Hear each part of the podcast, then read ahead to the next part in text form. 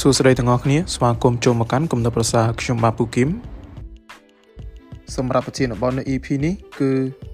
សញ្ញាទាំង4ដែលអ្នកត្រូវផ្ដល់ភាពសំខាន់ដល់ខ្លួនឯងច្រើនជាងនេះ ដែលជាអត្ថបទសរសេរឡើងដោយ Romina Aswani តើតំណែងតំណងអ្នកជាមួយខ្លួនឯងមានសភាពយ៉ាងណាដែរ មនុស្សភាគច្រើនតែងយកចិត្តទុកដាក់ចំពោះចំណងមិត្តភាពជាមួយនឹងអ្នកដទៃប៉ុន្តែជារឿយៗគឺពួកយើងតែងតែធ្វើប្រហែសឬក៏ភ្លេចនៅអ្វីដែលយើងមានជាមួយខ្លួនឯងនៅពេលដែលមានពេលវេលាពិបាកពិបាកពួកយើងតែងតែបញ្ចប់ដោយការទុកនៅអ្វីដែលយើងសំខាន់ជាក្រោយឬក៏មានអារម្មណ៍ថាវង្វេងវង្វាត់ឬក៏យើងបោះបង់ខ្លួនឯងចោលតែម្ដងហើយទាំងវើទាំងអស់នេះមិនអាចធ្វើឲ្យយើងប្រសើរឡើងបានទេ ផ្ទុយមកវិញយើងគួរតែគោរព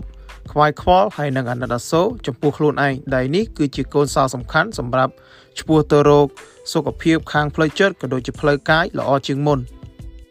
ដូច្នេះ4សញ្ញាដែលអាចជួយអ្នកធ្វើការកំណត់សម្គាល់បើសិនជាអ្នកចង់ផ្ដល់ភាពសំខាន់លើខ្លួនឯងឲ្យបានច្រើនជាងនេះសញ្ញាទី1គ្រប់យ៉ាងអំពីអ្នកតែងតែមកក្រោយគេ ដោយសញ្ញានេះនឹងបង្ហាញថាអ្នកនឹងមិនជ្រើសរើសតម្រូវការខ្លួនឯងនឹងមកមុនទេនិយាយមួយបែបទៀតគឺយើងតែងតែនៅក្រោយគេគ្រប់គ្នាដែលនេះជាមូលហេតុដែលអ្នកតែងតែនៅបាតឬក៏នៅក្រោយគេជានិច្ចដោយឧទាហរណ៍ងាយងាយអ្នកសុកចិត្តពញានៅការងាររបស់ខ្លួនអ្នកហើយនឹងទៅជួយការងារអ្នកដទៃវិញដែលនេះយើងត្រូវតែបោះបង់ពេលវេលាទំនេរដើម្បីបម្រើគុណប្រយោជន៍របស់ពួកគាត់ ហើយបើសិនជាយើងធ្វើបែបនេះមែនបាទយើងប្រហែលជាអាចគិតថាវាពិតជាសំខាន់នៅក្នុងការជួយអ្នកដទៃជិះជាងស្មោះត្រង់ជាមួយនឹងខ្លួនឯងហើយនឹងតម្រូវការរបស់ខ្លួនឯងទី2អ្នកខ្លាចទៅជាមនុស្សបំពេញចិត្តអ្នកដទៃ people pleaser នៅក្នុងសង្គមយើងរាល់ថ្ងៃមនុស្សភាគច្រើនតែងតែចង់ឲ្យមនុស្សជុំវិញខ្លួនគេមានអារម្មណ៍តែមានក្តីសុខក៏ដូចជាធ្វើឲ្យពួកគេមានសេចក្តីសុខ ប៉ុន្តែជារឿយរឿយពួកយើងតែងតែមានអារម្មណ៍ថាពិបាកក៏ដូចជាមានអារម្មណ៍ថានឿយហត់បើសិនជាយើងពិតជាមនុស្សបែបនេះមែនដោយសារតែពួកយើងព្យាយាមបំពេញចិត្តគេពីថ្ងៃដល់យប់រហូតចំណែកឯសំណួរនោះគឺថានៅពេលដែលអ្នកមិនចូលចិត្តនៅផែនការក៏ដូចជាសកម្មភាពអ្វីមួយហើយអ្នកតែងតែឃើញខ្លួនឯងយល់ព្រមធ្វើវា បាទដោយសារតែហេតុផលនោះចង់ឲ្យពួកគេសប្បាយចិត្តដែរឬទេ បើសិនជាអញ្ចឹងមែនអ្នកប្រហែលជាមានការពិបាកបាទសម្រាប់ការនិយាយទេឬក៏និយាយថា no ហើយដោយសារតែយើងអាចខ្លាចបាត់បង់នៅការស្រឡាញ់បាទការទទួលស្គាល់ពីអ្នកដទៃបាទក្រក់ជាងនេះទៅទៀតនោះបើអ្នកធ្វើរឿយរឿយអ្នកនឹងអាចខ្លាចទៅជាមនុស្សដែលមិនចូលចិត្តខ្លួនឯងឬក៏មិនឲ្យតម្លៃខ្លួនឯងក៏ថាបានទី3អ្នកសុំការអភ័យទោសភ្លាមភ្លាម តើអ្នកតែងតែឧស្សាហ៍សុំការអភ័យទោសទោះបីជាអ្នកមិនបានធ្វើខុសដែរឬទេបើសិនជាអញ្ចឹងមែនអ្នកប្រហែលជាខ្លាចការប៉ះទង្គិចការបដិសេធឬក៏ការបោះបង់ចោលហើយដែលគំនិតទាំងអស់នេះហើយធ្វើឲ្យអ្នកមិនហ៊ានការពារខ្លួនឯង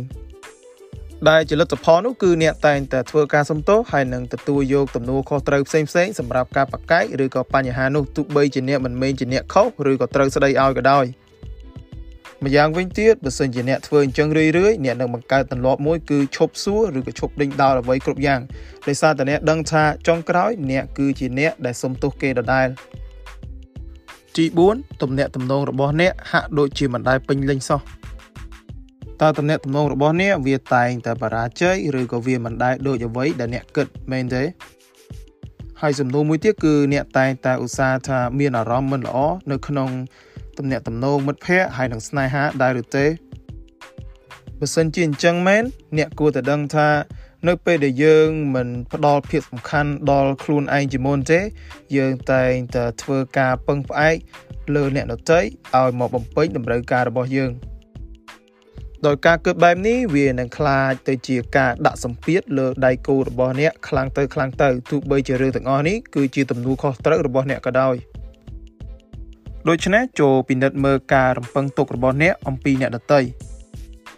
បើសិនជាការរំពឹងទុកនោះវាធម្មតាយុត្តិធម៌ហើយនឹងប្រកបនិយមទេ ហើយពួកគេមិនបានប្រព្រឹត្តល្អលើអ្នកអញ្ចឹងអ្នកត្រូវទៅសួរខ្លួនឯងថាហេតុអ្វីបានជានៅតែបន្តនៅទំនាក់ទំនងមួយនេះប៉ុន្តែបើសិនជាការរំពឹងទុកនោះវាមានភាព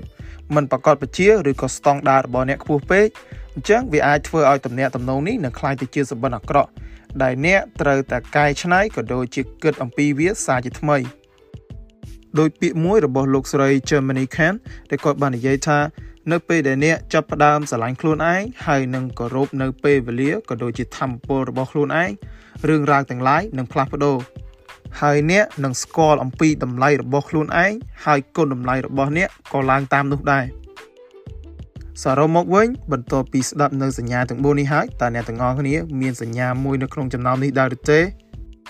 បើសិនជាមានមែនអញ្ចឹងវាមានន័យថាអ្នកត្រូវតែផ្ដល់ភាពសំខាន់ដល់ខ្លួនឯងឲ្យបានច្រើនជាងនេះហើយដូច្នេះចូលចាប់ផ្ដើមធ្វើវាឥឡូវនេះ